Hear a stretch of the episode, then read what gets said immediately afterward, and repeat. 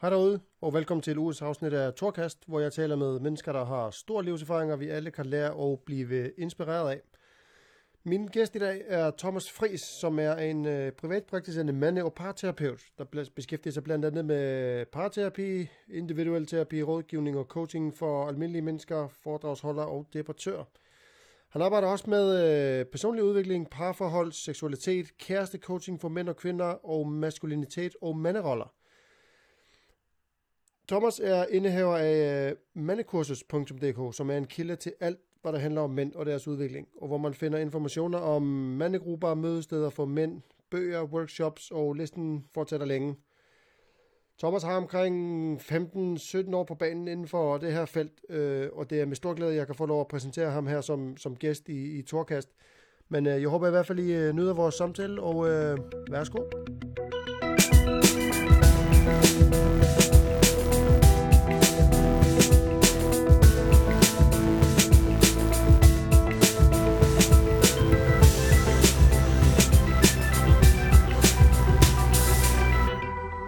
Øh, velkommen til, Thomas Friis, og øh, tak for, at øh, du havde lyst til at være med og stille op her.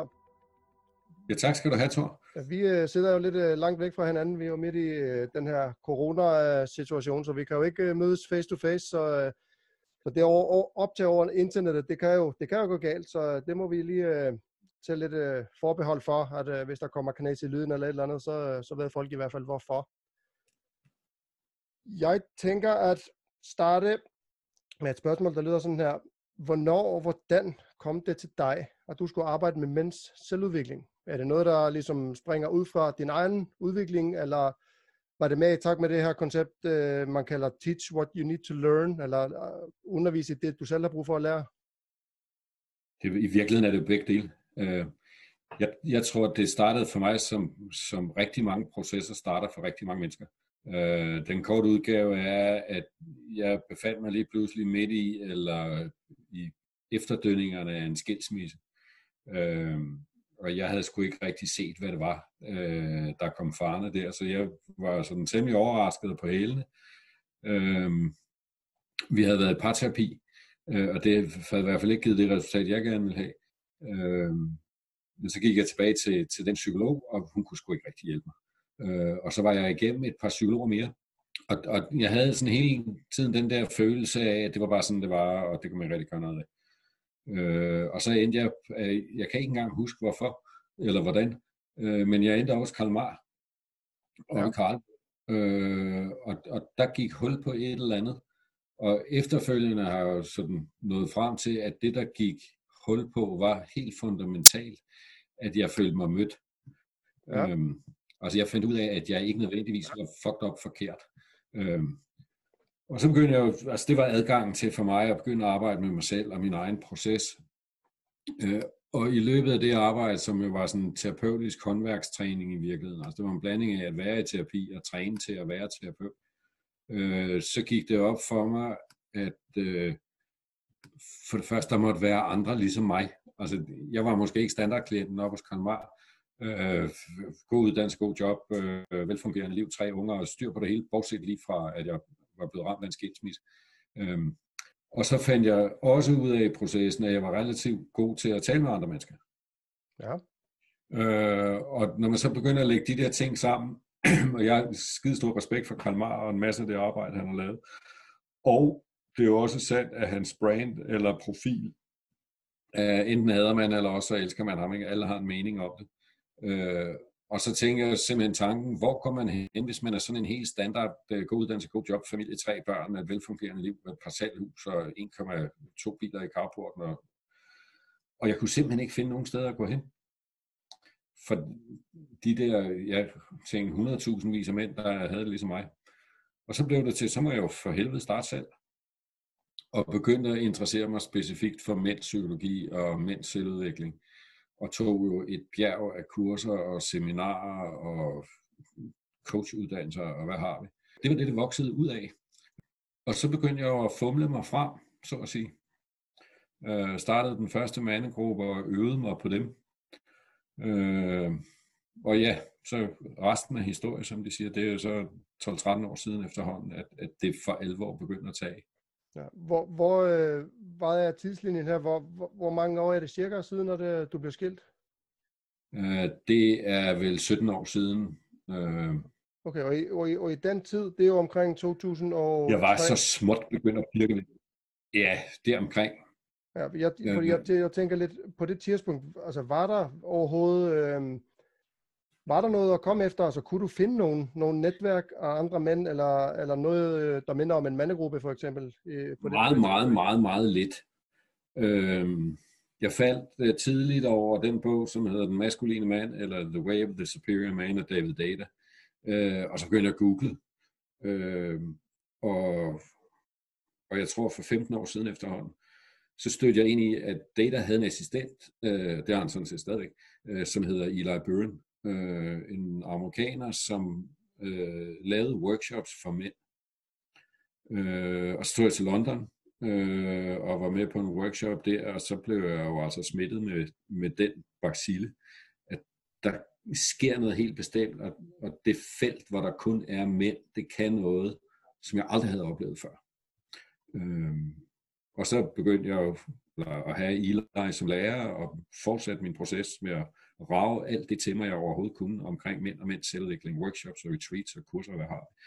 Øh, men, men der var fandme langt mellem snapsene. Og så tror jeg, altså, når jeg kigger tilbage nu, så har der jo været en mandebevægelse på ryggen af, af kvindernes ligestillingsprojekt og kvindernes basisgrupper. Så var der også basisgrupper for mænd. Øhm, og, og det døde med rose i røven, og, og godt for det, tror jeg egentlig. Øh, altså man har lidt indtrykket af, af bløde mænd, der sidder og strikker i en rundkreds og siger undskyld. Øh, men, men parallelt med det har der været en udvikling i USA over de sidste 30-35 år, øh, som egentlig er, er grundlaget for det, vi kalder mandearbejde i dag. Ja. Øh, altså selvudvikling specifikt rettet mod mænd og det maskuline og mænds måde at være i verden på. Og jo i ekstrem grad arbejde, som er faciliteret af mænd og kun er for mænd. Fordi der sker noget, noget helt særligt, når man, øh, når man laver sådan et rum, øh, hvor der kun er mænd i. Ja, præcis. Jeg har selv øh, kastet mig ud i lidt øh, mandearbejde. Jeg har jo selv været på sådan en øh, selvudviklings... Øh, ja, jeg, selvudviklingsforløb her i lang tid, og, og mandegrupper er jo lidt nyt for mig. Øh, og inden vi kommer lidt nærmere ind på det, der har jeg lige øh, en lille smule, øh, jeg måske vil høre om først. Fordi nu har du jo, du har jo arbejdet i mange år øh, med, med noget organisationsudvikling og projektledelse inden for detailhandlen. Så jeg, havde, ja, er... jeg var lidt øh, nysgerrig på, altså var det så en naturlig overgang øh, til at gå over til den her slags arbejde, altså kunne du, altså både, både i forhold til at, at coache og, og hjælpe andre, men også lige så meget for at finde ud af, hvad du selv skulle gøre, altså var der noget, du kunne drage nytte af øh, fra den branche, noget du sådan kunne overføre øh, direkte over til det nye felt, så at sige? Altså det man kan sige, det er, at jeg har jo øh, sådan professionelt ikke så meget detaljhandel, det, det er der, jeg oprindeligt kommer fra, men, men i mange år i den finansielle sektor arbejdet med, kalder det organisationsudvikling og projektudvikling og procesudvikling og hvad har vi, ikke? Øhm, og, og der er det jo gået op for mig i det arbejde, at, at det, det i virkeligheden handler om, er at arbejde med folks mindset, som vi siger på godt dansk. Ikke? Okay. Øhm, altså vores måde at opfatte verden og processer og relationer og alt muligt andet på. Øh, så du kan sige, teknologisk set, så er der jo, så det, på en måde er det mange af de samme håndgreb. Øh, det, der er anderledes, er, at, at vi er i det, man kunne kalde det hele menneske. Ikke? Når du er på job, så er du det, du nu er på job, bogholder, eller sælger, eller tømmer, eller hvad fanden du nu er. Ikke? Men, ja. men inde i den der bogholder, eller sælger, eller tømmer, der er jo et menneske. Øh, og, og inde i halvdelen af dem, der er et menneske, som er særligt på den måde, at han er en mand. Øh, så, så det er broen imellem de to. Øh, altså det at, at forstå, hvordan menneskesindet, og særligt hvordan den maskuline psyke fungerer. Øh, og hvad er det for nogle udfordringer, der er der. Øh, og så begynde at, at tage hul på. Øh, så, så man kan sige, der er, der er en bro mellem de to verdener. Ja. Øh, og så samtidig skal man også være opmærksom på, selvom at, at der er et skift eller en, en udvikling i det. Altså på jobbet, der taler vi også om det hele menneske og work-life balance og alt muligt. Ikke? Men i, i sidste ende, så er du på jobbet for at få solgt nogle produkter, eller bogført nogle fakturer, eller hvad fanden det nu er, du laver fagligt. Ikke? Øh, og, og hele dit private menneske har kun begrænset adgang på arbejdspladsen, og efter min bedste overbevisning skal også kun have begrænset plads, fordi der er et magtforhold, når du er på job. Ikke? Altså, der, der er en virksomhed eller en chef, som har en særlig interesse. Øh, og den særlige interesse er ikke allerførst, at du skal have et fantastisk liv, Thor. Det er, at du skal få bygget nogle huse, eller hvad fanden det nu er, ikke? Jo, jeg har også, øh, også klart, altså, jeg har tænkt, tænkt over det mange gange, det der med, at, som du siger, man, man kommer jo på arbejde, og der tager man jo i princippet en eller anden hat på, eller en maske, altså der træder du ind i en rolle, som måske ikke er dig. Og, øh, og, og, og der er rigtig mange, øh, som, man, som jeg har læst om og hørt om, der har nærmest opbygget hele sin identitet rundt om sit arbejde, og så kan der jo ske noget, lad os bare sige, du er, du er tømmer John fra øh, Karls, Karlslund eller et eller andet, og du har været tømmer i 40 år, og så lige pludselig så går ryggen, og så kan du ikke udføre tømmerarbejde mere, og der ryger identiteten. Der, det kan sådan godt skabe en, øh, en stor krise hos folk, øh, og, og det tænker jeg ikke, øh, tænker ikke sådan helt optimalt at, at bygge sin identitet op om, omkring sit arbejde, som, som du også øh, kommer lidt ind på. Jamen, jeg tænker, der, der er to vinkler ind i det. Altså, det er rigtigt, når du siger, at, at vi, vi bliver til noget, når vi går på job. Så bliver vi til bogholderen, eller sælgeren, eller tømmeren, eller hvad det nu er. Og det er der egentlig ikke noget i vejen med, hvis du kigger på det på den måde, at det kun er en del af dig. Det kan sagtens være en sund del, hvor du er den ægte udgave af dig selv, men du er ikke den hele udgave af dig selv. Mm. Øh, så du kan, du kan gå på jobbet, og, og du kan sige sådan psykisk betragtet, øh, være super sund og autentisk og i kontakt med dig selv, øh, og absolut ikke fake. Det kan du sagtens være. Ja. Øh, og det er foretræk fra, at, at du skal tilpasse dig og blive til noget andet, end det du er. Men, men selv i bedste fald, så er den, der møder ind på jobbet, det er kun en del af, hvem du er.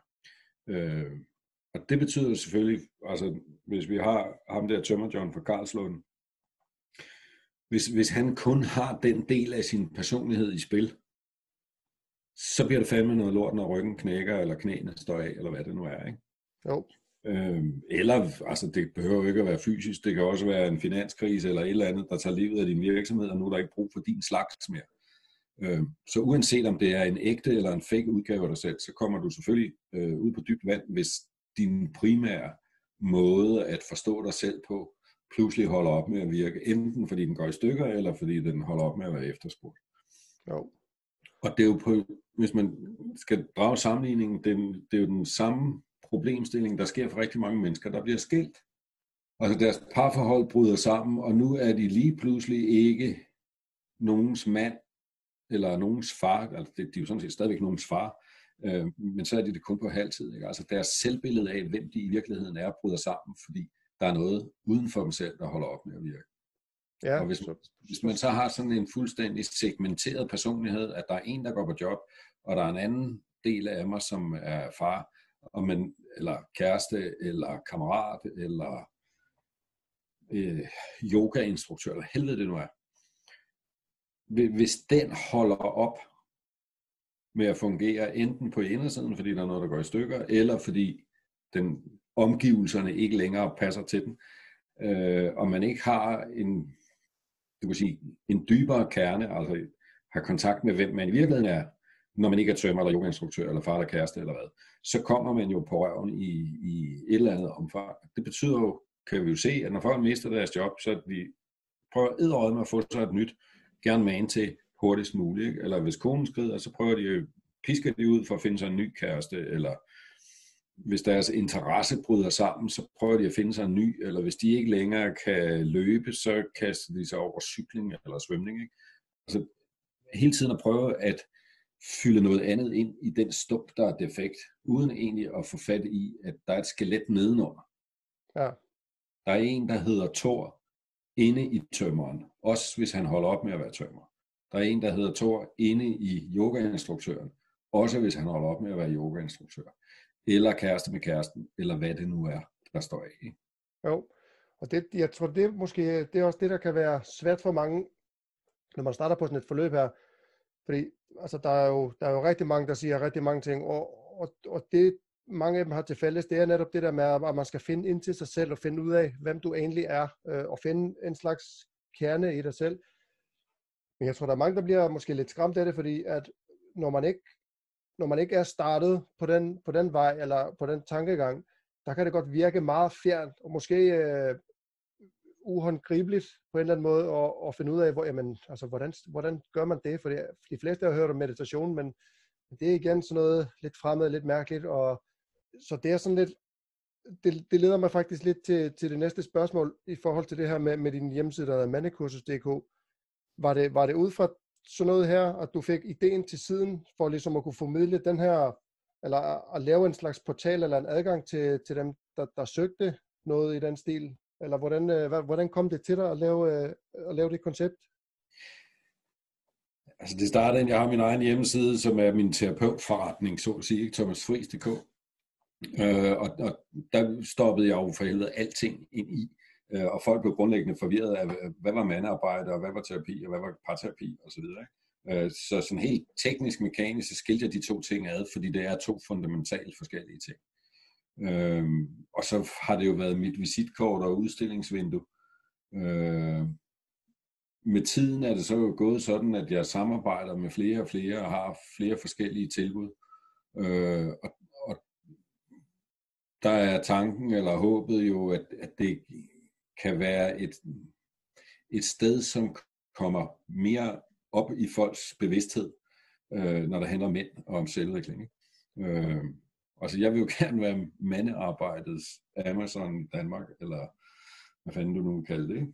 Jo, for det er, det er også en af de ting, jeg har lagt mærke til, når man går derind, fordi når man går ind på mandekursus, det, det handler jo ikke bare om Thomas Friis, der prøver at, at snakke om sig selv. Du har rigtig mange ressourcer og henviser til mange andre og mange øh, forskellige typer tilbud til, til mænds selvudvikling, så, så det, det tror jeg egentlig, du gør meget godt. Jeg tror faktisk, der er meget brug for sådan en side der, fordi igen, det kan godt virke meget fremmed, det her med at skulle arbejde med sig selv, specielt for mænd af en eller anden grund. Øhm, så, så jeg tror, det er rigtig godt med sådan en, øh, med sådan en side. Øh, jeg kan ikke, jeg kan ikke helt huske, hvor, hvor jeg stussede over den, men, men efter, jeg, efter jeg har stusset over den, der, der bruger jeg den faktisk en gang imellem, hvis jeg lige mangler noget, jeg mangler nogle svar, eller jeg kommer i tanke om noget, så går jeg derind for ligesom at se, øh, hvad der er muligheder. Altså de, den, de sidste par år har vi brugt mere krudt på at brede det ud, ikke? og det er der flere vinkler på. For det første, så, altså jeg er jo specielt, for, eller det ved jeg ikke mere, men jeg, jeg er jo på den måde, jeg er, og de tilbud, jeg har til folk, de er jo som de nu er. Ikke? Og, og det er klart, at one size fits all, det gælder altså ikke mænd, de er sindssygt forskellige. Øh, sådan helt grundlæggende natur. Øh, de er også forskellige på den måde, at de er forskellige steder i deres udviklings- eller opvågnings- eller hvad du nu kalder det, proces. Ikke? Så der er jo, de fleste mænd er, aner jo, altså hvis du spørger dem, hvad er en mandgruppe? Eller jeg siger mandgruppe, hvad tænker du så? Langt de fleste mennesker Øh, de vil sige enten, at det er sådan noget med Karl Marr og voldsom Volvo og ned hullet, Øh, den ene mulighed. Den anden mulighed er, at det er sådan noget fæsende 70'er, fløjelsbuks, øh, øh, agtigt noget. ja. Altså, mens hvis du, hvis du spørger, hvad parterapi er, så har de fleste mennesker er tættere på at have en, en mening eller en forestilling om, hvad det er. Ikke? Men, men mænd og selvudvikling for mænd og mandegrupper og mandekurser som format, Altså, det, det, folk aner ikke, hvad det er, øh, og har ikke nogen forestilling om det, og, og hvis de har forestillinger om det, så er det typisk sådan, øh, ja, kalmar eller et eller andet, ikke? Jo, øh, ja, så en, en mandegruppe kan lyde meget fremmed til, til dem, der ikke har været med i en. Øh, ja. altså, og mange af dem, jeg har snakket med øh, sådan om det, øh, jeg går jo øh, til dagligt, der går jeg jo øh, rundt på byggepladser og, så rigtig meget mænd, og jeg er sådan efterhånden, som jeg begynder at, at hvile bedre i mig selv, hvis man kan sige det på den måde, der, der, der begynder jeg at snakke om sådan nogle ting med folk, bare sådan lige for at se deres reaktioner, hvad de tænker, og, og rigtig mange af dem, jeg snakker med, de, sådan, de forestiller sig sådan lidt en gruppe søvlige mænd, der sidder og, og nærmest tuder sammen over, hvor uretfærdig verden er over for dem, ikke? Så, så og det, det igen leder mig sådan lidt til, til et uh, andet spørgsmål, jeg egentlig havde. Uh, altså, hvad er det, man kan forvente at få ud af sådan en mandegruppe, og hvad er det egentlig, man laver? Jamen, hvad, jeg tænker, det spørgsmål er, det, det er lige en tand for hurtigt. Der er i hvert fald en ting, jeg godt lige vil runde. Ja. Øh, fordi, hvad, hvad fanden er der i vejen med mænd? kunne man sige. Øh, skal, skal de nu fixes, eller hvad fanden det, man, man kunne kalde det, ikke? Ja. Øh, vi kan se i alle statistikker, og det, og det er næsten ikke til at holde ud og tale om længere, øh, alle statistikker over, hvordan mennesker har det dårligt, de er simpelthen domineret af mænd. Øh, det kan godt være, at, at det, det er mændene, der er administrerende direktør og sidder på de fedeste bestyrelsesposter, men uanset hvordan et menneske kan have det af helvede til, så fører mænd i, i de statistikker. Det gælder sygdom, levetid, øh, sociale problemer, hjemløshed, øh, det gælder at være Selv, ensom, selvmord.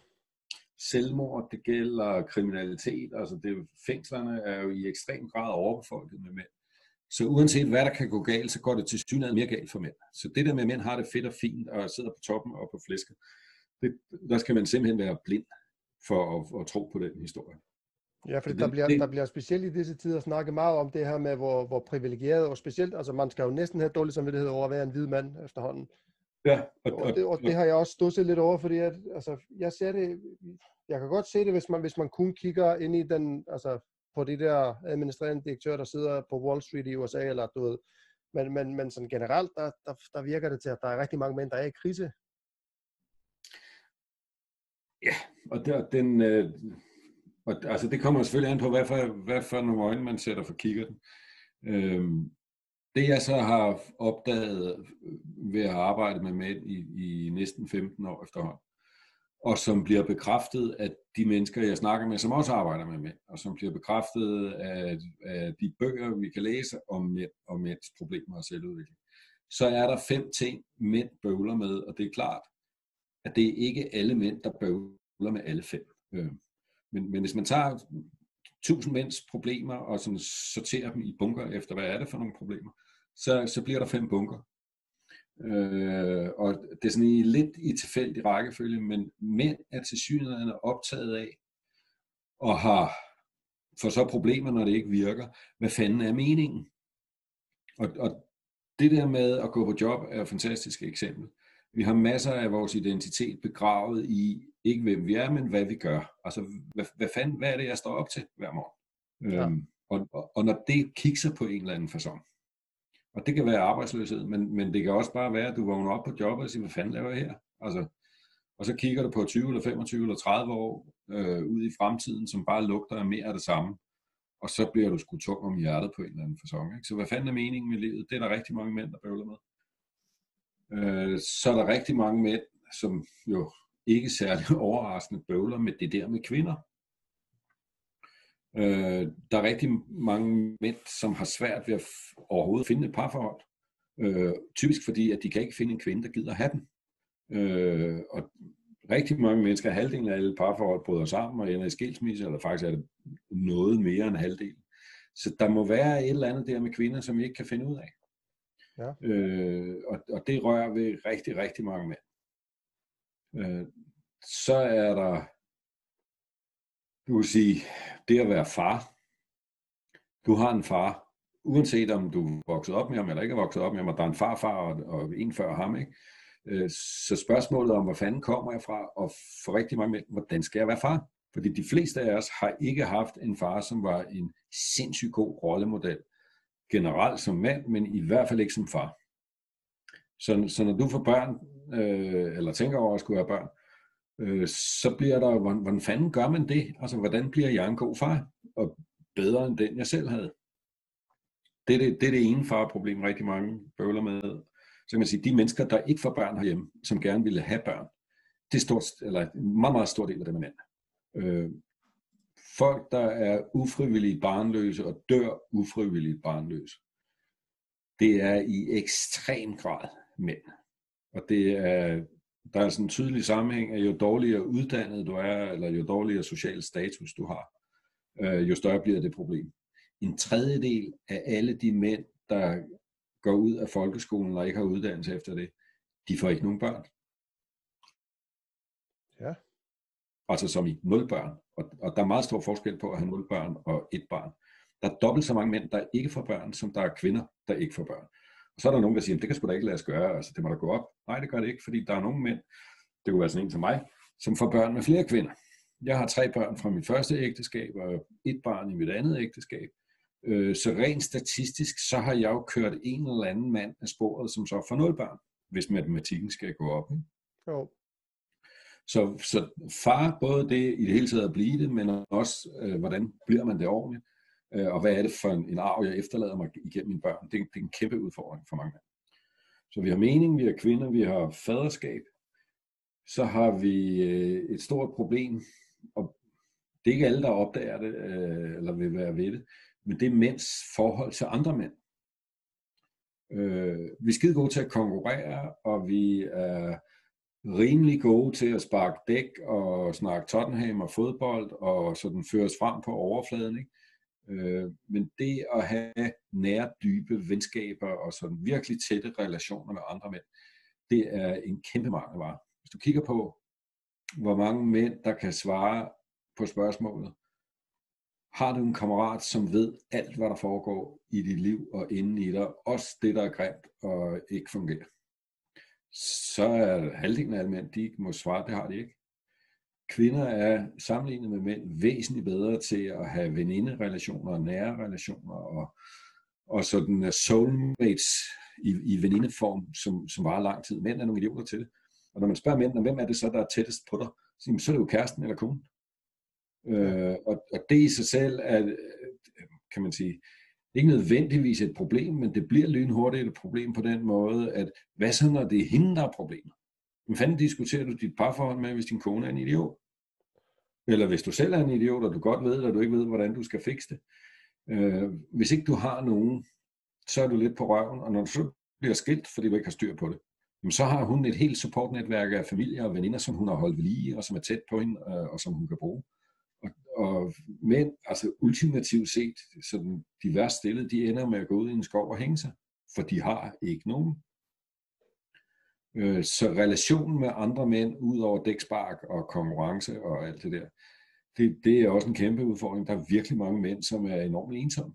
Ja, der har jeg faktisk et, et spørgsmål, fordi du er jo øh, næsten per automatik vi har svar på mange af de ting, jeg egentlig har gjort mig tanker, men, men i forhold til det her med, med, med mænd, der ikke har det store netværk af venner, altså det kan jo skyldes mange ting, tænker jeg, og, og de fleste, altså hvis, nu er det jo altid nemt at bare tage udgangspunkt i sig selv, altså jeg havde jo et rigtig stort netværk, når jeg var yngre, og jeg spillede bands, og jeg, øh, du ved, der var, der var gang i den, når man havde mange venner, men så er det ligesom om, at, at livet tager over på et tidspunkt. Man begynder at få kæreste, kone, man måske får nogle børn, og så er det som om, at der bliver altså for det første sorteret lidt i dem, man omgår. Så det er jo meget naturligt, fordi du kan jo ikke have 100 venner, altså tætte venner. Det er jo, det er jo, det er jo umuligt. Men, men hvorfor tror du, det er så svært at holde fast i, i de relationer, der ligesom, ligesom betyder noget? Altså, jeg læste på et tidspunkt, at øh, der blev lavet sådan et studie, hvor en masse øh, folk i 50'erne, 60'erne blev spurgt ind til, altså, var det fortrød i livet? Og der var på tredje pladsen, tror jeg det var, det var, at de ikke havde dyrket de venskaber, de havde. Altså de gode venskaber af dem, de blev ikke dyrket, og så lige pludselig så dør de, og så har man ikke nogen. Altså, har du, øh, har du gjort dig nogle tanker om, altså hvad kan det skyldes det her? Der, der, der er flere faktorer ind i det. Altså, mænd er, og mænd er sindssygt forskellige, ikke? og kvinder er sindssygt forskellige. Men, men hvis du tager klumpen af mænd for sig, og klumpen af kvinder for sig, og så sammenligner gennemsnittet af altså, sådan, gennemsnitsmanden og gennemsnitskvinden, så, så er der nogle ting, som, som tegner sig. Mænd er mindre rela- øh, orienteret mod relationer, end kvinder er i gennemsnit. Øh, og, og det betyder, at det virker ikke så vigtigt for os, at vi bruger ikke så meget krudt på det, og så er det svært at få det til at virke. Ikke? Altså det der med at holde det ved lige. Det, det er klart en faktor. Så er der en faktor, som er fraværende fædre, øh, som er kilden til rigtig meget.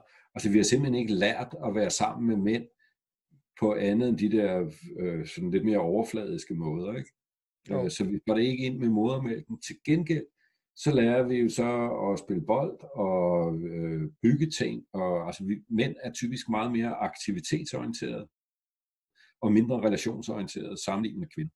Så det er en anden faktor, der spiller ind i det. Ikke? Øh, og når vi så er i relationer, der var parforholdet jo for langt de fleste af os, er den vigtigste relation, så viser det sig også, at det i ret høj grad er kvinderne, der definerer, hvad er rigtigt og forkert. Både i, hvem, hvad skal vi gøre, og hvem skal vi gøre det med, og hvordan omgås man. Øh, og, jeg er ikke ude på at, at male kvinder op i et eller andet sort billede, men der er rigtig mange kvinder, de definerer simpelthen, hvordan. Og det betyder, at alt det, der er fællesorienteret, kommer til at fylde meget, og, og dine gamle gutter, og ham der Jørgen, han er sgu da også lidt en taber idiot, ikke? Øh, så man kan sige, mænd får ikke, øh, typisk ikke ret meget hjælp til at, at fastholde deres relationer. Øh, tværtimod er der mange mænd, der møder modstand på det. Ikke? Og så kommer den sidste ting, som, som øh, fandme er vigtig. Altså vi, vi har der, der er to mekanismer, sådan udviklingsbiologisk, øh, eller hvad du kalder det. Det første er, at rigtig meget af det mænd har lavet i de sidste få hundredtusind år, det har været farligt og ubehageligt. Ikke? Så vi har simpelthen vi er bygget til, og vi har lært, og vi er blevet opdraget til at undertrykke følelser. Og det er skide praktisk, når man står ude på en byggeplads i regnvejr, eller ude på savannen med en spidspind og skal skifte eller hente aftensmad. Så, så vi er vant til at undertrykke den side af os. Øh, og så ved vi jo også, at fanden tager den bagerste. Øh, altså, det skulle nødt hedde sig, at jeg var svag, eller udulig, eller usikker, eller dysfunktionel på en eller anden måde, fordi så bliver jeg udgrænset. Og det bliver jeg både af andre mænd og af andre, eller og af kvinder. Kvinden, hun vil selvfølgelig have den stærkeste stød, hun kan få fat i. Så gælder det om ikke at se svag ud, fordi så får du ikke nogen relationer eller noget parforhold.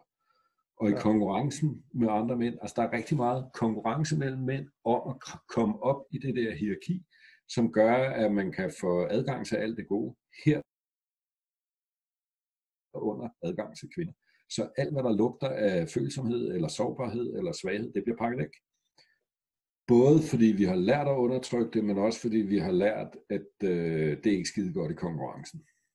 Jamen, jeg tænker også, noget, noget af det må jo også ligge begravet øh, sådan rimelig dybt i os, fordi det her, det er jo ikke noget, der bare sådan lige er, er, er noget, der, der er sket inden for de sidste 100 eller 200 år. Det, det er sådan tværtimod, altså langt tilbage i tiden, hvor, hvor, hvor du, som du siger, det gælder, hvor det gælder overlevelse, og du skal ud og finde noget mad, og, og hvor det var sådan lidt mere survival of the fittest. Altså, jeg tænker, det må jo, det må jo ligge dybt i vores øh, DNA, så at sige.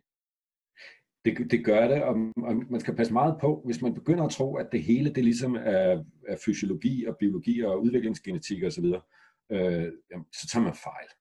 Øh, men hvis man tror, at det hele handler om socialisering og opdragelse og kultur, så tager man altså også fejl. Alt det der software, vi får installeret fra vi bliver født og indtil vi bliver voksne, det bliver jo installeret på en platform eller en hardware. Ikke? Og vi, vi kan må, simpelthen måle helt objektivt forskelle på, hvordan drenge og piger fungerer, fra de er helt spæde. Det er selvfølgelig ikke den eneste forklaring, men hvis du, hvis du har forskellige hardware, så at sige, at køre på, og du så oven på det styrker den forskel ved at hælde forskellige arter software ind. Øh, altså vi opdrager i højere grad drenge til, at øh, det må du ikke tage ud over, og nu skal du være stærk, og nu skal du tage dig sammen. Øh, så, så kommer der de der forskelle. Så der er både en kulturel baggrund, men, men der er også en fysiologisk baggrund, at, at der er simpelthen ting, som mænd er mere orienteret hen imod, og der, der er ting, som mænd er orienteret mere væk fra, hvis man sammenligner med kvinder. Ja. Ja, det, det er jo ikke et, øh, et, et, et nemt emne. Det er også, jeg tænker, der, der kommer vel et lille skift nu her, fordi altså, hvis, man sådan, hvis man er ung i dag, hvis man er, øh, lad os bare sige, mellem 16 og, og 25, der, er der, der gælder der altså lidt andre regler, end der gjorde, øh, og, og så jeg er jo ikke så gammel, jeg er, jeg er 34, men, men der er, altså, det ser lidt anderledes ud i forhold til, hvordan man snakker sammen, og hvordan det egentlig forventes, at mænd er i forhold til, til den gang jeg var ung, og specielt måske i forhold til for 30-40 år siden.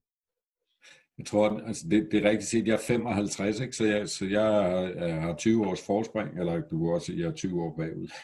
Øhm, jeg har, min, mine øh, store unger er, er fra 20 til 27, og, og min mindste pige er, er 11 år. Ikke? Så jeg, jeg kan godt se, der er forskel. Jeg tror, den, den kæmpe store forskel i virkeligheden er, at det er blevet lidt mere tilladt at tale om det. Altså ja. den, de der stereotype måder at være på, øh, der er blevet åbnet lidt op for, at, at der er flere måder at være i verden på, end at øh, absolut at skulle være den bedste fodbold, øh, eller matematik, eller hvad fanden det nu er. Ikke? Øh, det, det er en side af det. En anden side af det er, at, at der er jo frygtelig mange mennesker, der gerne vil fortælle dig, hvordan skal du være, Thor. Hvis du skal være en rigtig mand, så skal du, og det kan så være et eller andet macho-ideal, eller et eller andet andet ideal, eller den bløde mand-ideal, eller et kvindeligt ideal, eller fanden det nu ikke, men der er rigtig mange mennesker, som gerne vil fortælle dig, hvordan du skal være i verden. Ja. Øh, og, og tilbage til det, du egentlig spurgte om, hvad fanden er det, man oplever i sådan en mandegruppe eller på et mandekursus. Øh, og i hvert fald i alt det arbejde, jeg laver, og det arbejde, jeg støtter, og hos alle dem, jeg arbejder sammen med, der er udgangspunktet, jeg ved fandme ikke, hvem du er, Thor. Hvem er du, Thor? Det er din opgave at finde ud af det. Ja. Nyheden, nyheden er, at du kan få lov at vælge på lidt flere hylder, end du måske kunne tidligere, men det er din opgave at finde ud af, hvem du er, og, og hvem du gerne vil være. Øhm. Og det er virkelig det, processen går, du kan sige, går ud på, det er at finde ud af, hvem fanden er du i virkeligheden. Altså inde under sælgeren og tømmeren og bogholderen og yogalæreren og faren og kæresten, hvem er du så, hvis vi skræller alt det andet af? Ja, og det øh, tænker jeg, det må være et, øh, altså, for det første et, et svært, det er, jo et, det er jo et rigtig stort spørgsmål, men jeg tænker, det må være et rigtig svært spørgsmål, hvis, specielt for dem, der måske ikke er vant til at kigge så meget indad, og, og ikke har tænkt tanken, altså hvis, hvis man er helt ny, øh, der tænker jeg, det, det kunne være rigtig, rigtig svært at, at få det spørgsmål stillet. Det, det vil nok kræve øh, et par minutters øh, tænkning, eller hvad man skal sige. Ja, eller resten af dit liv. ja, præcis. Altså, jeg, jeg føler, jeg har været i, som sagt, jeg er godt men, over, det, det, der jeg, er jeg er ikke gammel, men, men, men, men ja, så, der, jeg føler, jeg er kommet, jeg er kommet langt, men, men jeg føler, jeg er meget, meget, meget langt fra målstregen, hvis den, hvis den findes. Jeg tror ikke, den findes, men, men der findes et sigtepunkt at sigte efter. Fordi på den ene side, og, og det tror jeg er måske ubevidst, noget af det, der holder rigtig mange mænd væk fra mandarbejde, det er, at hvis du lige lægger tømmeren og yogalæreren og faren og kæresten og ham der, der kører skide hurtigt på cykel, hvis du lægger alt det der fra, hvad er der så tilbage? Øh, og, og det er fandme en lorteoplevelse. Ikke? Det er også derfor, at folk øh, går i krise, når de mister deres job, eller deres parforhold, eller hvad det er, der ramler for dem. Øh, fordi hvad er der så tilbage? Og hvis man hele tiden har levet sit liv, og det gør mange af os en meget stor del af tiden, ude på overfladen, så at sige. Jeg siger ikke overfladisk, men, men på det, der er væk fra din kerne, eller din grundlæggende personlighed, eller hvad man nu kalder det, så er det jo skræmmende at miste det. Ja og så skulle finde ud af, at, at øh, inde bag den der pansrede plade, at, at, at der er måske en støder, som er lidt forvirret og ikke kan svare hurtigt og sådan sjovt på, på alle de der spørgsmål. Ja. Og det mænd så opdager, når de træder ind i det rum, altså den store udfordring er at få dem ind i rummet. For når først de er der, så opdager de jo lynhurtigt, og oh, jeg er faktisk ikke alene. Altså der sidder måske 5 eller 15 eller 25 andre mænd, som heller ikke øh, har alle svarene parat. Øh, en af de ting, jeg gør meget ud af og i talsæt, når jeg holder foredrag og så videre, det er, at langt, langt, langt de fleste mænd, de er ikke gået i stykker. De er ikke defekte, og de er heller ikke forkerte. Men der er rigtig meget, de ikke har lært, som i virkeligheden jo de burde have lært af deres fædre og de andre voksne mænd. Øh, til gengæld så er der rigtig meget lort, de har lært, som de ikke skulle have lært. Øh, så, så det er ikke et spørgsmål om, at, at mænd, som sidder i en mandegruppe, de er gået i stykker, og nu skal de repareres. Øh, de opdager som regel, at der er noget af det, de går rundt og tror på, både om sig selv og om verden, som det skulle forkert. Øh, og så finder de noget bedre at tro på. Øh, og så får de fyldt hullerne i puslespillet ud på en eller anden fasong. Ikke? Så de opdager, at de ikke er alene. De opdager, at de, øh, de ikke er mere defekte end så mange andre. Altså de fleste af os går rundt og gemmer os på indersiden. Vi prøver at puste os op, fordi der er jo ikke nogen, der skal opdage, hvordan vi i virkeligheden er. Altså hvor forvirret eller hvor forkerte vi føler os, eller hvor meget vi ikke har styr på vores lort. Ja. Og så finder de ud af, at alle de andre, de har sgu heller ikke styr på deres lort. Og, og det er der en enorm frihed i, at det behøver altså ikke at være perfekt. Øhm, og, og så starter arbejdet jo derfra min, jeg laver sådan nogle informationsaftener, dem laver vi så ikke her i coronatiden, der foregår det jo online. Øhm, men der sidder måske 15-20 mænd, og tre fjerdedel af dem, de har aldrig set en terapeut, eller en coach, eller lavet noget selvudvikling, eller noget som helst. og, og de er noget tavse i betrækket, og jeg holder foredrag, og så sætter vi dem i en cirkel, øh, og, og skaber en stemning, og har nogle ganske få færdselsregler. Og så begynder de at lukke op for posen, og man kan simpelthen man kan se det i deres kropsholdning, og, og folk får våde øjne, og okay, det er sådan, det er at være ægte sammen med andre mænd. Og, og det, det er sådan en, en åbenbaring for rigtig mange af dem, at, at der findes andet end den der overflade. Og der findes et sted, hvor de faktisk kan få lov til at være sig selv, uden at mor eller kæreste eller samfundet, eller hvem fanden det nu fortæller dem, hvordan de skal være. At, at det er okay, at de er sig selv, og at den der sig selv, de er, som muligvis mangler at lære noget, men, men ikke er i en værre forfatning, end at øh, det faktisk godt kan repareres, og at det renoveres og bringes i en bedre forfatning. Ja, det, det har jeg også, øh, fordi nu, nu siger du også, at det der med, at, at der er mænd, der sidder, og, og det er måske første gang, de sådan rigtig oplever øh, at være sammen med andre på den her måde. Altså er der, er der nogle, er det nogle bestemte aldersgrupper, eller, eller nogle bestemte typer mænd, der ligesom, der søger ind? Jeg, jeg tænker specielt i forhold til alderen, fordi hvad, hvad for nogle alder er det, hvis der er en aldersgruppe, der, hvor de fleste ligesom søger det her? Altså, den, sådan nogle ting er jo sådan normal fordel, vil man i virkeligheden sige. Ikke? Øhm, langt de fleste af de mænd, der kommer ind i det lokale, de er mellem 35 og par 50-55. Øh, men så sidder der altså også en stopper på 30, og så sidder der måske, de begynder at komme en lille smule yngre. Øh, så, så det spænd af mænd, jeg har arbejdet med, de er, den yngste har været 21, og den ældste 77, da de startede på processen. Ikke? Så, så det, der er et enormt spænd, men du kan sige, at de fleste af de mænd, jeg arbejder med, de passer ind i en kasse, som er, de er mellem 35 og 55, det vil sige, de er blevet voksne. Øh, de, øh, langt de fleste af dem enten har været i sådan ægteskabslignende parforhold, øh, er måske blevet skilt, nogle flere gange endda. Der er enkelte, som aldrig har været i længerevarende forpligtende parforhold, men, men de fleste har. Rigtig mange af dem har børn. Enten som de bor med, eller som de har i en eller anden delordning.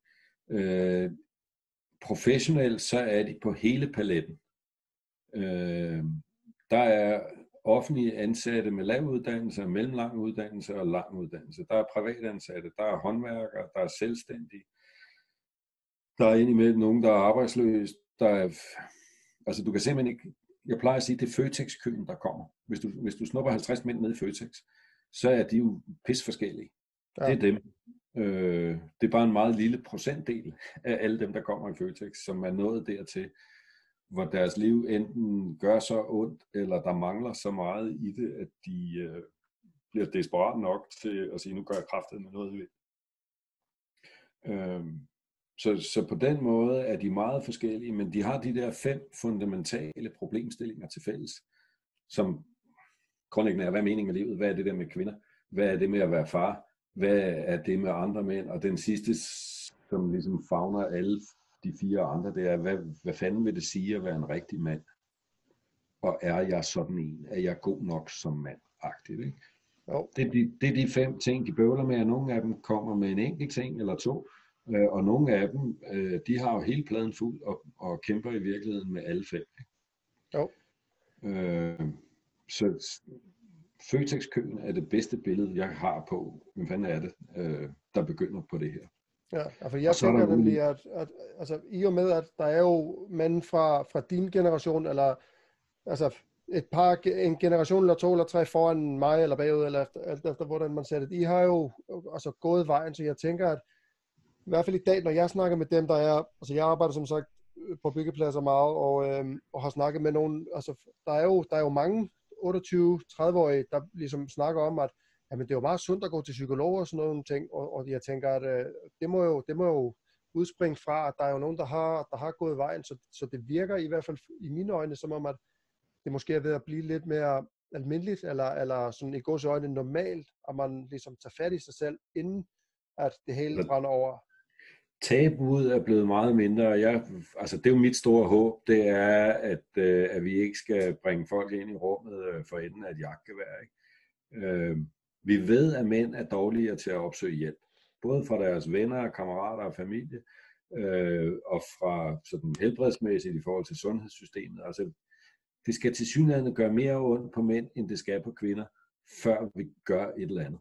Men tærsken for, at det er faktisk okay at uh, erkende, at uh, der er noget, der ikke helt spiller, og så begynde at gøre noget ved det, den er heldigvis blevet meget lavere. Ja, og der, der kommer man vel også lidt igen ind på det der, som jeg snakkede om før, at man er jo blevet opdraget til, at man, man ligesom, man bider, bider det i sig, at der er noget galt, men man sådan, ah, jeg skal altså, nu, nu må du tage dig sammen, ikke? og så, så gør man ikke rigtig noget ved det, man, man skubber det væk, men den er måske, ja. øh, som du siger, den, den er ved at være, den tankegang er måske, er måske ved at være lidt, lidt øh, mere hyppig. Altså, den, det bliver i hvert fald bedre på det felt, ikke? Du spurgte også til, til de hele unge, og, og der er flere bevægelser, der sådan strider hver sin retning. Ikke? Den ene bevægelse er, er den her med, at det bliver mindre tabu. Øh, og, og vores samfund bliver mere og mere feminin i sin måde at være orienteret mod omsorg og fikse problemer og så videre. Det er sådan den ene, som skubber i retning af, at, at yngre mennesker øh, har færre problemer end min generation eller min forældres generation havde. Ikke? Jo.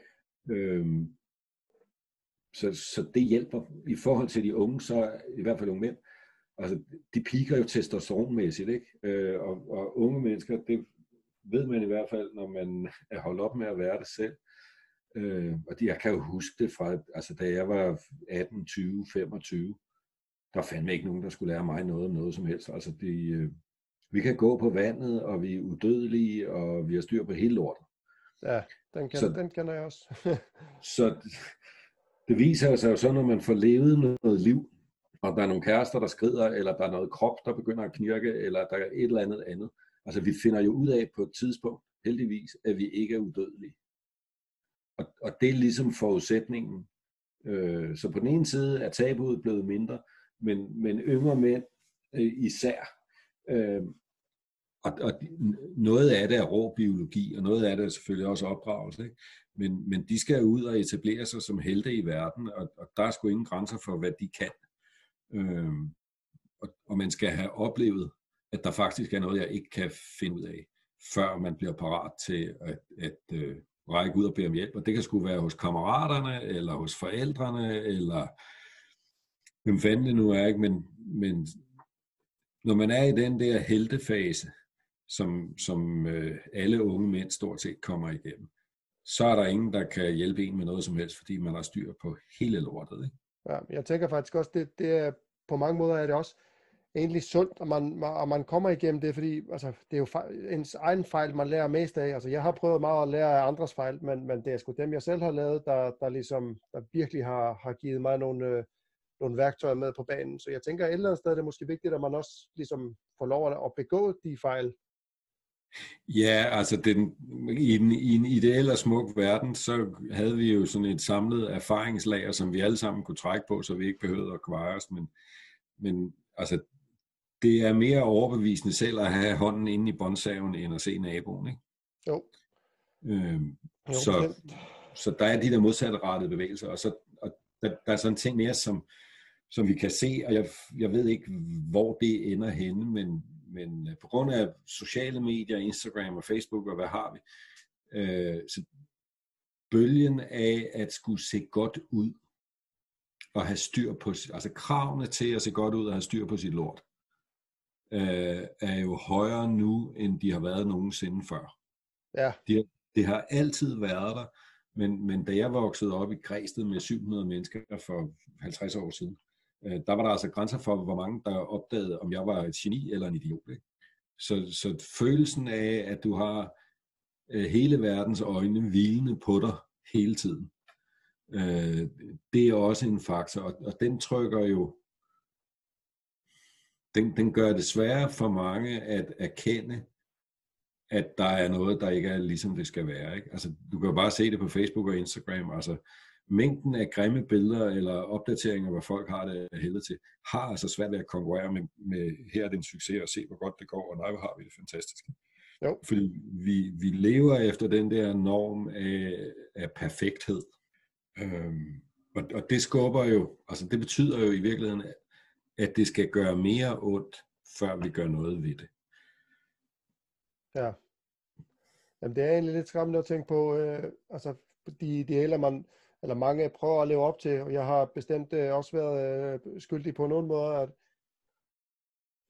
der er bare nogen, man har et eller andet sted, jo mere man, man kigger med på Facebook og Instagram og de her sider, jo, jo, jo større pres føler man for, at okay, jeg skal virkelig, virkelig være langt frem for at kunne øh, konkurrere med, med alle de her mennesker og deres øh, flotte liv, og de har alle sammen så og så mange penge, og de træner så mange gange om ugen, og, og så videre, ikke? Og det, som du, som du også siger, altså, det lægger jo et enormt pres på, på folk, og specielt de unge, der, der måske ikke hviler så godt i sig selv endnu.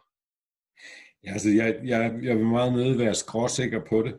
Øh, jeg plejer at sige, at det er meget få, der, har, der er døde af at logge ud fra Facebook eller Instagram. Øh, så, så mindre er nok bedre end mere. Det, det er den ene ting. Og jeg kan jo også se på, på mine børn, og mere og mere mig selv, selvom jeg er sådan et teknologisk handicappet af at være 55, der er også nogle sociale muligheder. Altså en ting er, at der er et socialt pres i de sociale medier, men der er faktisk også noget positiv kontakt, der er muligt. Øh, altså måder at have netværk, som man slet ikke kunne have. Øh, hvis du var lidt anderledes i den lille lorteby, hvor jeg voksede op, så var du fandme anderledes, medmindre du dukkede der og skjulte, ikke? ja, det kan jeg godt forestille mig. Du havde meget svært ved at finde nogen, der var ligesom dig, hvis ikke du var til fodbold, eller hvad, hvad det nu var, ikke? Øhm, og, altså jeg kan jo se på mine, mine unger, de har jo kraftet med deres netværk, det er jo globalt, altså helt bogstaveligt. Og så kan det, de hænger så ikke så meget ud med, med dem der, der bor på den anden side af kloden, men, men de har et netværk, som er helt anderledes og fungerer på helt andre måder. Så jeg, altså det er ikke kun dårligt. Øh, kunststykket er selvfølgelig at finde ud af, hvordan fanden hjælper vi os selv, og hvordan hjælper vi vores unge mennesker med at navigere på en måde, så der bliver mest muligt af det, der fungerer, og mindst muligt af det, der er dysfunktionelt. Ja, øh, og, og jeg vil meget nødig øh, sige, at det har jeg løst, og nu skal I bare høre det sådan her, I skal gøre, fordi øh, vi, vi er midt i et kæmpe eksperiment, ja. øh, og vi er nogen, som er lidt langsom i det der, og jeg, jeg prøver at passe på med at være skideklog lige på det der felt, fordi øh, ja, det, jeg synes ikke, jeg har så meget at byde ind med andet end undrende spørgsmål. Jamen det, det tror jeg heller ikke, der er særlig mange. Altså, der er jo ikke nogen, der er ekspert i, i det her endnu, fordi altså, den første smartphone kom jo frem for 12 år siden, og altså, jeg var jo, jeg, jeg har den alder, hvor at, altså MySpace, som var Facebooks øh, forgænger, det, det, det ud, jeg kan ikke huske, hvornår det startede, men det var, om, jeg tror det var omkring 2002-3 stykker, og der var jeg jo, hvor gammel var jeg der? Jeg har været 14, 15, 16 år, så, så, øhm, så, så jeg tror ikke, der er rigtig nogen eksperter nu, for det som du siger, det er jo et ongoing uh, eksperiment, vi, vi har gang i, og, og som du også uh, meget rigtigt siger, det er jo ikke, det er jo bestemt ikke negativt det hele, og det kan man rigtig meget se nu her i den her coronakrise, hvor, hvor meget der ikke er, ligesom bare det vi gør nu, altså vi, vi kan jo snakke sammen over nettet og se hinanden, og man kan kommunikere med, jeg har skrevet i går sammen med en ven, der bor i Uruguay, altså det, det er jo et genialt værktøj, hvis man, hvis man kan finde ud af at, at bruge det. Ja. Og det, altså det er faktisk det, det er en ting, som har overrasket mig. De mandegruppeforløb, vi kører, de kører over tre måneder med, med vi starter med en weekend sammen, og så kører, ses vi en aften om ugen i, i tre måneder, og så slutter vi af med en weekend sammen. Øh, og det der med at samles øh, 25 mennesker i et lokal, det er blevet lidt upopulært.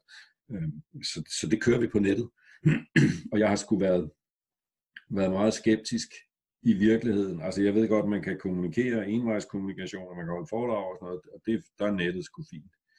Men, men det der med at sidde 25 mænd og, og faktisk være i sådan for alvor kontakt med hinanden på en skide øh, computerskærm, øh, der må man bare sige, det, det leverer overraskende meget af det, vi kan lave i, i et virkeligt rum. Der er selvfølgelig nogle ting, vi ikke kan. Øh, så jeg foretrækker til hver tid det fysiske rum frem for det virtuelle rum. Men når det virtuelle rum er den eneste mulighed, så må jeg bare sige, at, øh, at det kan vi faktisk også godt finde ud af at skabe noget netværk og noget værdi og noget relation. Ja. Ja, jamen jeg tænker, øh, hellere det end, end ikke kunne ses overhovedet, så det, øh, det ser jeg som, øh, egentlig som en meget positiv ting. Øhm, og det altså specielt, hvis vi så skal sådan være lidt corona-aktuelle. Øhm, der er masser af mennesker, der er ensomme. Øh, og flertallet af dem er andet lige mænd. Og, og af dem, som er helt Altså som ikke bare er, føler sig ensom, men som kraftedme er palle alene i verden. Langt hovedparten af dem, det er mænd. Og når så verden lukker ned, som, som vi har oplevet de sidste uger her, øh, det er en kæmpe krise for rigtig mange mænd. Øh, at det lidt netværk, de havde, eller de havde trods alt noget socialt, når de gik på job, eller hvad fanden. Altså der er for rigtig mange, der, der er kun dem selv. Øh, så, så jeg tror, der kommer en, øh, en forstærket ensomhedskrise på bagsiden af det her. Øh, og, og der er for mænd, der er heldigvis jo masser af ting, der popper op med mænds mødesteder og alle mulige initiativer, som, som skal hjælpe mænd med at forbedre netværk med andre mænd. Øh, selvfølgelig kommer det tilbage, men, men øh, der er rigtig meget arbejde at gøre med ikke at tabe øh, måske 20% eller 30% af alle mænd, så de øh, får det endnu mere helvede til, end de havde det i forvejen. Jo. Jo, og det øh, bringer mig til, at vi skal sådan, øh, om ikke så længe til at runde af for i dag, men, men, men inden jeg, jeg slipper dig løs, der vil jeg egentlig også øh, høre om, øh, hvor du har projekter i støbeskæden. Altså har du, for eksempel nu, nu nævner du det her med, at der muligvis kommer sådan en, en, en lille ensomhedsbølge. Altså har du nogle, nogle, nogle projekter eller nogle tiltag, du, du har klar, eller, eller noget, du har gjort dig tanker om her inden for den nærmeste fremtid? Altså det, det vi har gjort, lige nu har vi jo knoklet som, som senior, og vi, der kan du sige, det er teach what you need to learn. Øh, at få holdt fast i de mandegrupper og mandegruppeforløb, vi kører, fordi det er jo ikke bare mine kurser, øh, der ikke øh, ligesom kan eksekvere, ligesom de plejer. Det er jo altså også, de, vi har lavet, vi er i gang med mandegruppe 37, så der var altså 36 forgængere, og rigtig mange af dem lever stadigvæk. Øh, så det at, at holde det, øh, det, det har vi brugt rigtig meget krudt på. Men det ja. næste, det, er, det bliver jo at, at øh, prøve at brede det længere ud, fordi altså de programmer, eller mandegruppeforløb og workshops, jeg laver, de hører sådan i den tungere ende, forstået på den måde, at, at de er rimelig intensive, de er rimelig omfangsrige, og de, øh, det er altså for mænd, som virkelig vil. Øhm, der, der er ikke øh, noget pølsehygge, dækspark, øh, det, det er en stor investering af sig selv ind i processen. Så det vi kigger på nu, det er at lave noget, som er mere introduktionsorienteret, mindre, måske lidt mindre forpligtende, mindre omfangsrigt. Øhm, og, og en del af det kommer til at køre på nettet. Øh, og også nok den her corona-ting, den, den er væk. Øhm, så vi, vi prøver at skabe netværk, som kan tiltrække så mange som muligt, og, og det gør vi ikke ved at finde en løsning, der passer til alle, fordi sådan en er der ikke. Det er, vi gør det ved at prøve at lave alle mulige forskellige ting, som virker forskellige mænd, som på, eller virker for forskellige mænd, som har forskellige udfordringer, og som er forskellige steder i livet, og som øh, har forskellige grader af ressourcer. Ikke? Der, der fandt til forskel på, om dit største problem er, at du bor ude på landet, og, og du har ikke noget netværk, eller om øh, du er i akut krise, fordi du går ned med stress eller et parforholdsbrud, eller om du øh, egentlig er kommet om på den anden side af en eller anden pose lort, og nu gerne vil ikke bare repareres, men, men genoptræne og, og finde en ny måde at være i verden på. Ikke? Mænd, har, mænd er super forskellige, og de har super forskellige behov, og der prøver vi så at udvide paletten, øh, så det ikke bare er sådan den mentale og, og psykiske udgave af, af kampsport på et højt niveau, men at, at vi også har nogle, nogle tilbud, som er lidt lettere ja. at gå til. Og det bliver mandegrupper på internettet, og det bliver sådan mere introduktionsagtige arrangementer i virkeligheden, når, når den åbner igen, øh, og sådan forskellige blandinger af det. Ja, for jeg tror nemlig, jeg tror gerne på, at efter den her, øh, efter, efter landet og, og verden bliver lukket op igen, jeg tror, vi kommer til at møde en lidt, øh, lidt ny verden, fordi altså, folk har jo i den grad tid til at, eller bliver måske lidt tvunget til at, at kigge lidt indad og, og se sine relationer i øjnene, specielt dem, der skal arbejde hjemmefra, hvor konen også skal arbejde hjemmefra, og børnene hjemme, og jeg, jeg tror, der kommer, der kommer mange tanker ud af det her. Det er enig i, at det, det er jo, altså, vi kan måske på bagsiden øh, begynde at få nogle idéer om, hvad er det så, der bliver anderledes, eller den nye udgave. Noget af det, det her jo for mig at se også tvinger os alle sammen til, det er, uanset om vi kan lide det, eller ikke kan lide det, eller har planlagt det, eller ikke har planlagt det, det er at kigge på, lever jeg det liv, jeg gerne vil leve? Og det er klart, at når der rammer sådan en, en total shutdown af hele samfundet, øh, så kan vi håbe, at vi bare kommer tilbage til det samme sted, og det ligesom har været et frikvarter eller en pause eller en midlertidig afbrydelse, og så er det helt med til. Det tror jeg ikke en skid på. Øh, der er også en masse mennesker, der kommer til at kigge på sig selv. Okay, i den situation, hvor jeg nu har været sendt hjem fra arbejde, eller har skulle arbejde under pres, eller hvad folks omstændigheder nu har været, har jeg så været den udgave af mig selv, jeg gerne ville være. Altså når, når Thor kigger tilbage på corona-Thor de sidste tre måneder, eller seks måneder, eller hvor lang tid det nu tager, har du så været den far, den kæreste, den mand, den øh, medarbejder osv., som du gerne vil være? Øh, altså det er jo krisetider, at, at vi bliver testet, så at sige. Og der er nogle af os, der finder ud af, at øh, der er sgu noget, jeg skal have kigget på. Øh, jeg har været en mindre udgave af mig selv, end jeg egentlig øh, er stolt af, eller godt kunne tænke mig at have været. Øh, så, og så er der en masse mennesker, som finder sig selv i en ny arbejdssituation, eller mangel på arbejdssituation. Øh, der er masser af parforhold, som bliver stærkere af det her, men der er fandme også mange parforhold, som bliver svagere eller bryder sammen.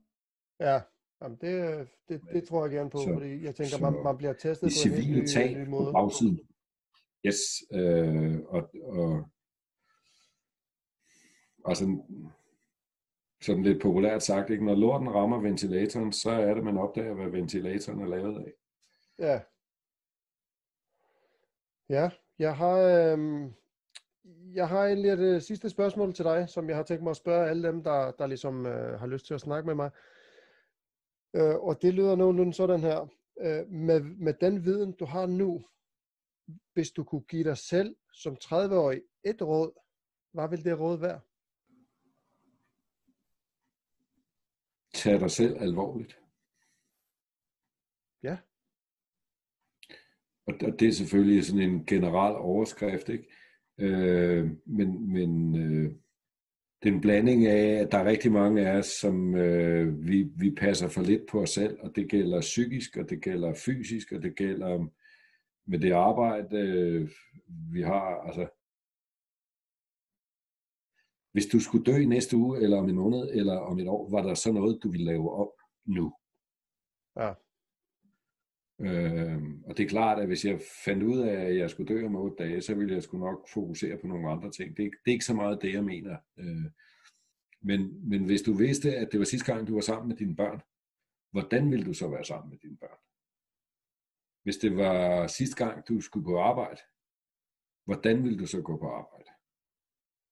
Hvis du vidste, du kun havde 5 eller 10 år tilbage, ville du så gide at gå på det der job? Altså, der er rigtig mange af os, som vi behandler os selv som om, at vi er en genudsendelse på en eller anden forstand. Ja, det bliver sådan lidt, uh, lidt, lidt per automatik, det hele.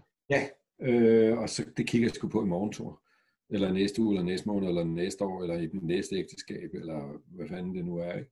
Ja, og lige pludselig så er man, så er man 70, og den der drøm, man har, måske man har skubbet i, i 30 år, den, så kan man ikke rigtig, så har man ikke mulighed for at udleve den mere. Øhm, og de fleste af os, mig selv inklusiv, har jo en tendens til at lægge sindssygt meget vægt på, hvad andre mennesker mener. Om hvad der er vigtigt i livet, og hvad jeg burde gøre og ikke burde gøre, og det ene og det andet. Så vi glemmer sgu at lytte til os selv. Øh, det er det, jeg mener med at tage dig selv alvorligt. Altså, hvis du nu skulle behandle Thor, prøv at forestille dig, at, at du bliver øh, chef for, og far for, og bedste ven med, og den, der skal passe på Thor. Det er sådan en fyr midt i 30'erne, der er håndværker, og som øh, er begyndt på sådan noget yoga hippie noget. Det er ham, mm-hmm. du skal passe på. Han er dit ansvar nu. Ja. Hvordan fanden vil du så behandle ham? Ja, altså der, der har jeg øh, igen øh, en ekstern øh, hvad, hvad skal man sige, øh, take på det. Altså en øh, Jordan Peterson, han, han sagde jo i en af sine bøger, at altså, pas på dig selv, som om, at du var en, du var en, ansvarlig for. Lige præcis. Øh, og, og det der med at skrue mere op for ansvaret for sig selv, og så tage sig selv mere alvorligt, behandle sig selv pænere, men også stille højere krav til sig selv, fordi både du og jeg ved, at der er noget, du går rundt og fedt spiller med, og der er noget, jeg går rundt og fedt spiller med, hvor jeg godt kunne tage mig noget mere sammen. Ikke? Jo, Jeg tror, det lyder egentlig som et, øh, som et meget, meget godt råd, og det vil jeg tage til mig, fordi det er også det, jeg fisker lidt efter med, med, med det her spørgsmål, som jeg tænker mig at slutte af med, fordi at, som sagt, jeg prøver, jeg prøver meget at lære min egen fejl selvfølgelig, men, men man kan jo også lære meget af andres fejl, hvis man, hvis man bare lytter. Og så kan vi tage os selv alvorligt og leve som om vi betød noget og gjorde en forskel. Øh, fordi så vil det vise sig, at det kommer vi til. Ja, bestemt. Thomas Fris, øh, hvor kan folk finde dig og komme i kontakt med dig, hvis der er nogen, der har nogle spørgsmål, eller måske har lyst til at komme til noget parterapi, eller coaching, eller hvad det nu kunne være? ThomasFris.dk er et godt sted at starte, hvis det er sådan uh, i den mere personlige, individuelle ende af skalaen, og hvis det, man er mand, eller har en mand, hvis det, hvis det handler om mænd og mænds selvudvikling, så er det mandekursus.dk, som er stedet, og jeg findes selvfølgelig også på Facebook, øh, så der kan man også finde mig frem. Jeg plejer at sige, Google er din ven, hvis, hvis du søger på mig, så skal jeg nok dukke op. Ja, og der, der, der er meget øh, forskelligt at tage fat i, kan man sige, så, øh, så jeg vil anbefale øh, til dem, der lytter, at hvis I går og har nogle spørgsmål eller tanker om de her ting, vi har snakket om i dag, så, så så fat i Thomas. Han, I kan jo høre, han, han har jo prøvet lidt af hvert. Thomas, øh, jeg vil sige tusind tak for din tid, og øh, jeg håber, vi ses derude, og, og vi måske får, får mulighed for at gøre det her igen i dag. Det gør vi to. Tak fordi du ville have mig med. Yes, tak. Vi ses. Snakkes. Gør det.